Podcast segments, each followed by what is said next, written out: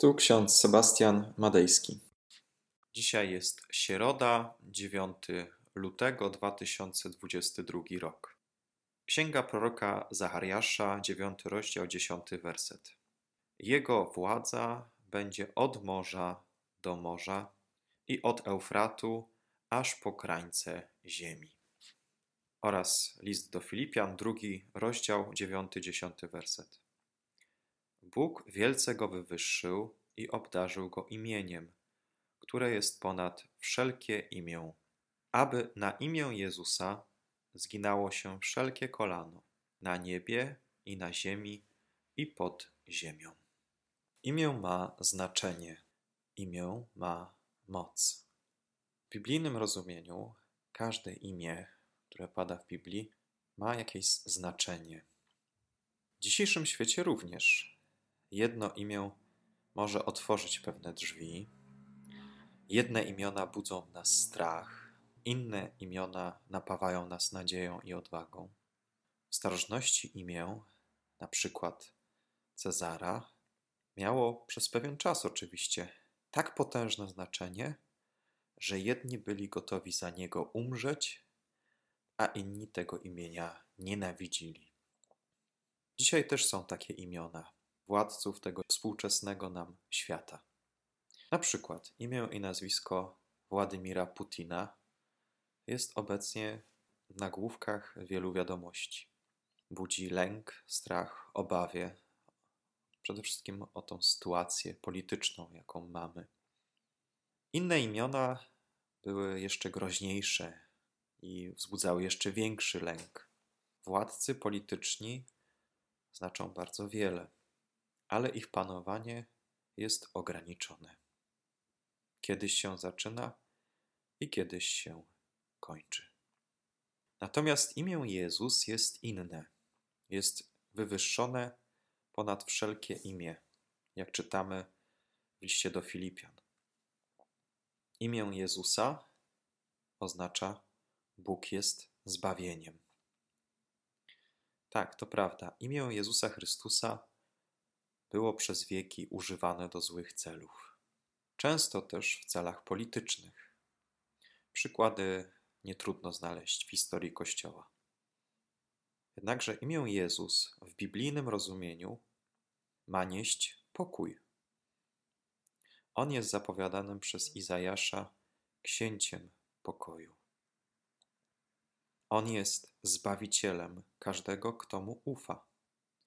Dlatego słowa z księgi Zachariasza nie oznaczają podboju politycznego, władzy zaprowadzonej siłą i mieczem, ale właśnie pokojem i zaufaniem Bogu. W jakim imieniu pokładasz nadzieję? W liście do Filipian apostoł Paweł wyznaje, że Bóg obdarzył go imieniem, które jest ponad wszelkie inne imię, aby właśnie na imię Jezusa zginało się wszelkie kolano, gdziekolwiek kto jest. Jego władza jest władzą przede wszystkim duchową, tą, która się dzieje w naszych sercach, w naszych duszach. Często jest tak, że my ufamy jakiemuś imieniu, przeceniamy wartość jakiegoś imienia. Tymczasem warto jest spojrzeć na Jezusa Chrystusa, naszego pokornego i cichego mistrza z Galilei. On nie przypomina władców tego świata. On nie nosi korony, ani nie stoi na czele żadnych wojsk, przynajmniej tych ludzkich. Nasz Pan i Zbawiciel jest księciem pokoju. On sam jest zbawieniem. Jego imię w czasach, kiedy był spisywany Nowy Testament, było popularne.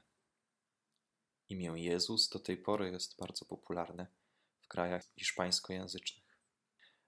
Ale tak jak w przypadku imienia Cezar, czy w przypadku imienia Jezus, słysząc to imię, mamy na myśli konkretną osobę, konkretny autorytet.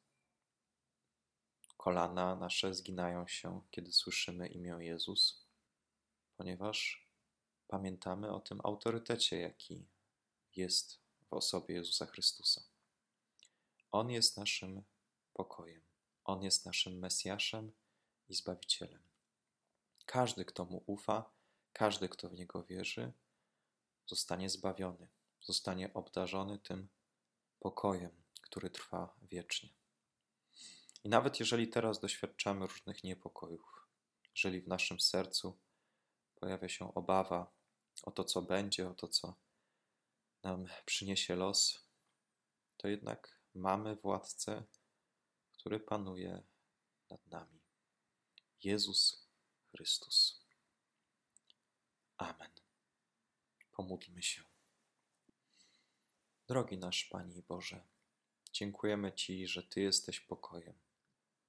Niech nad Twoje imię zgina się wszelkie kolano.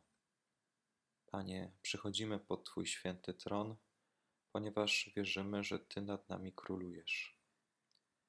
Panujesz nad nami, nad naszym życiem.